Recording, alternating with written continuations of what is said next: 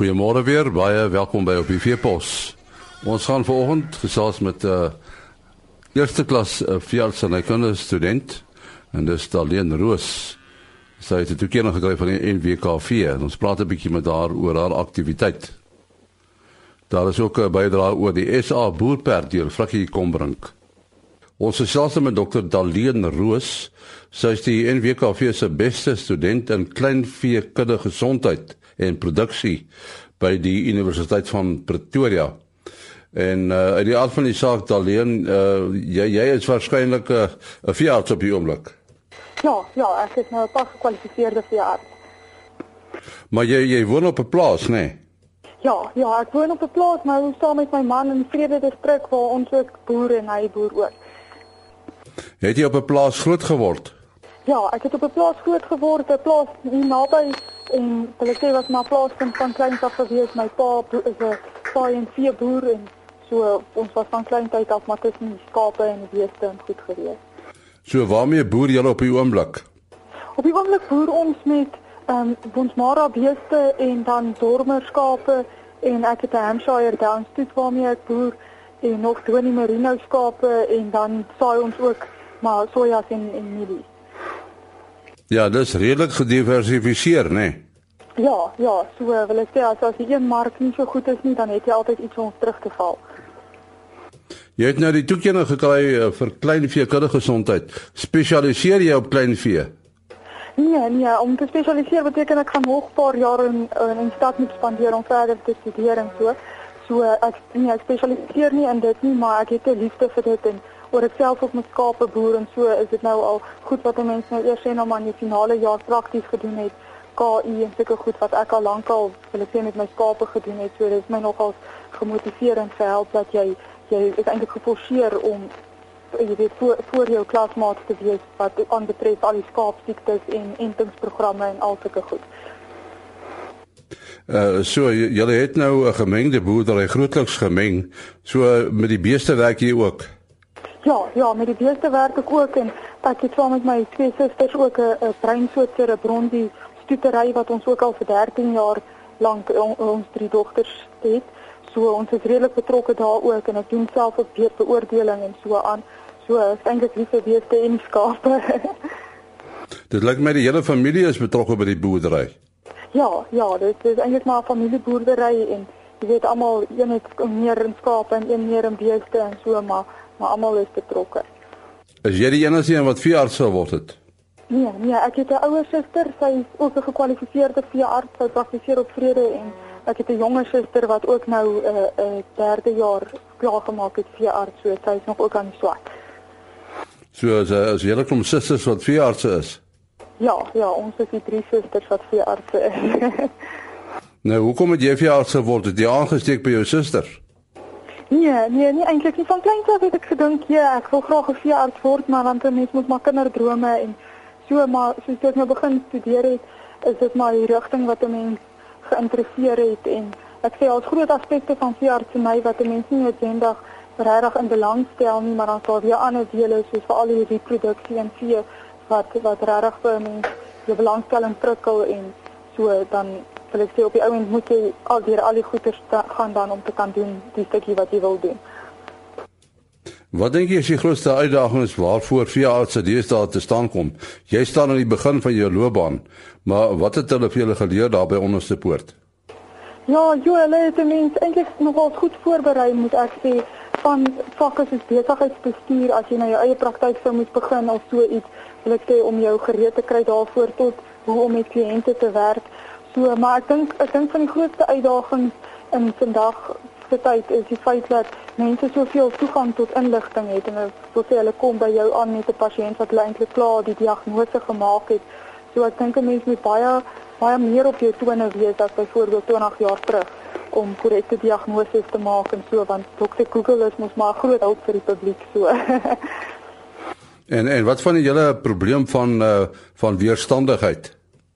Ja, dit is ook 'n reuse probleem en ek sê dis iets wat ook nou baie bespreek word en so en antibiotika weerstandigheid is maar is, is 'n wêreldwye krisis en ek dink op die ouend gaan ons veeartse 'n groter rol daarin moet speel om dieregesondheid op 'n ander manier te kan kry as net deur die gebruik van antibiotika vir alles wat mense dink in jou intensiewe tipe boerderye, voerkrale en hoenderboerdery en daai klas van goeder. So ons kan verseker daar uh, sal ek meer betrokke moet raak by sulke boerderye as wat hier aan op die oomblik is. Ja, dit was dan eh, Dr. Daleen Roos, die NWKV se beste student in kleinvee kuddegesondheid en produksie. Uh, Frikkie Kombrink is die voorsitter van die SA Boerperd Telersgenootskap. En uh, ons wil 'n bietjie met hom praat oor oor 'n keuringstelsel om die boerperd te veredel uh, en die rasstandaard uh, hoog te hou. Uh, dit is die onderwerp waaroor ons met hom wil praat. Uh, verduidelik 'n bietjie uh, Frikkie hoe hierdie keuringstelsel werk.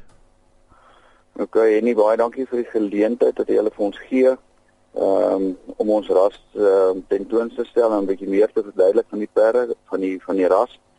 Ehm um, kom ons begin so die die genootskap is gestig in 1973 en ehm um, hy is in 1983 is die boeke toegemaak en by stamboek is die ras geregistreer as die SA ehm um, SA boerperd.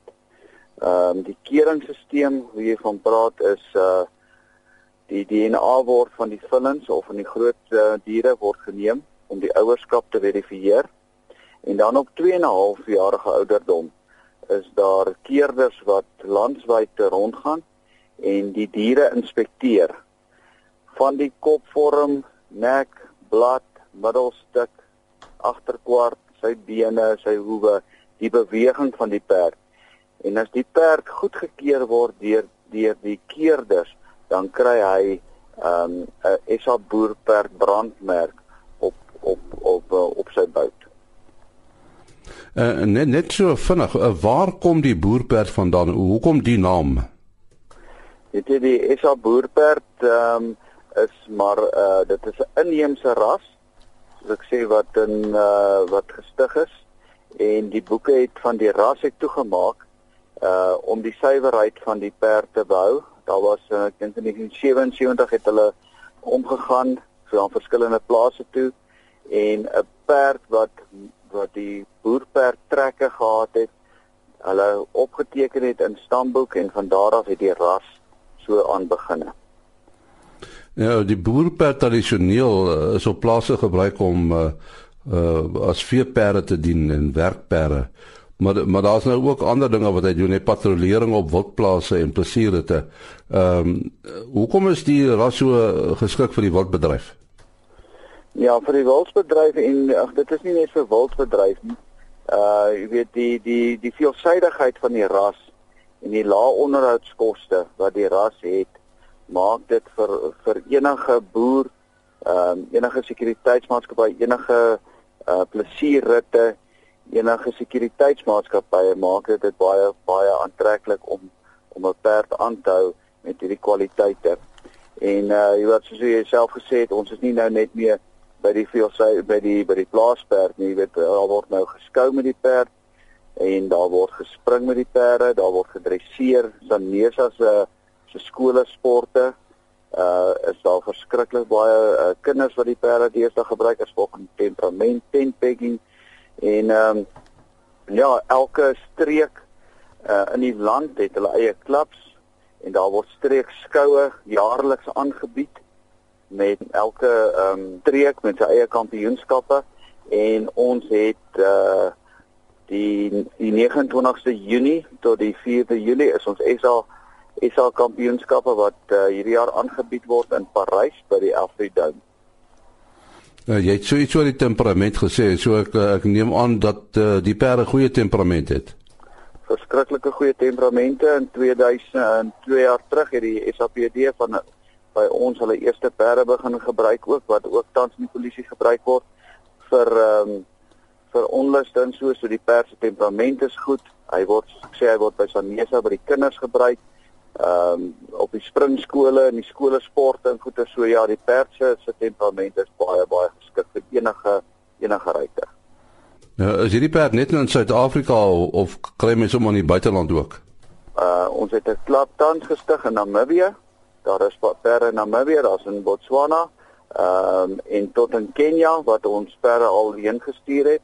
Maar nog uh, in die buiteland is daar tans ek dink 3 perde in Engeland wat SA boerperde is.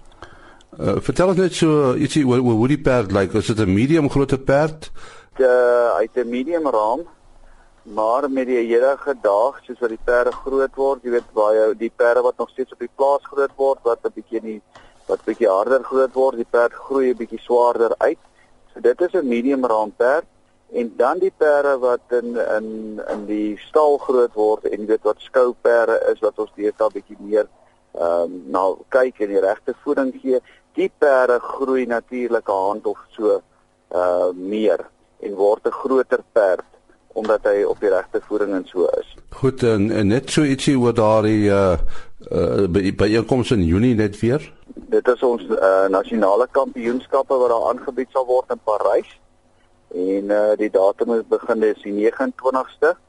Die maandag begin ons en dan die kampioenskappe die uh, algemene kampioenskap sal Saterdag van die oggend tot laat aand aangebied word. Nou dit was dan uh, Frikkie Kombrink, voorsitter van die SA Boerperd Telersgenootskap. daarmee die einde van die program. Môre is ons terug. Tot dan. Mooi loop.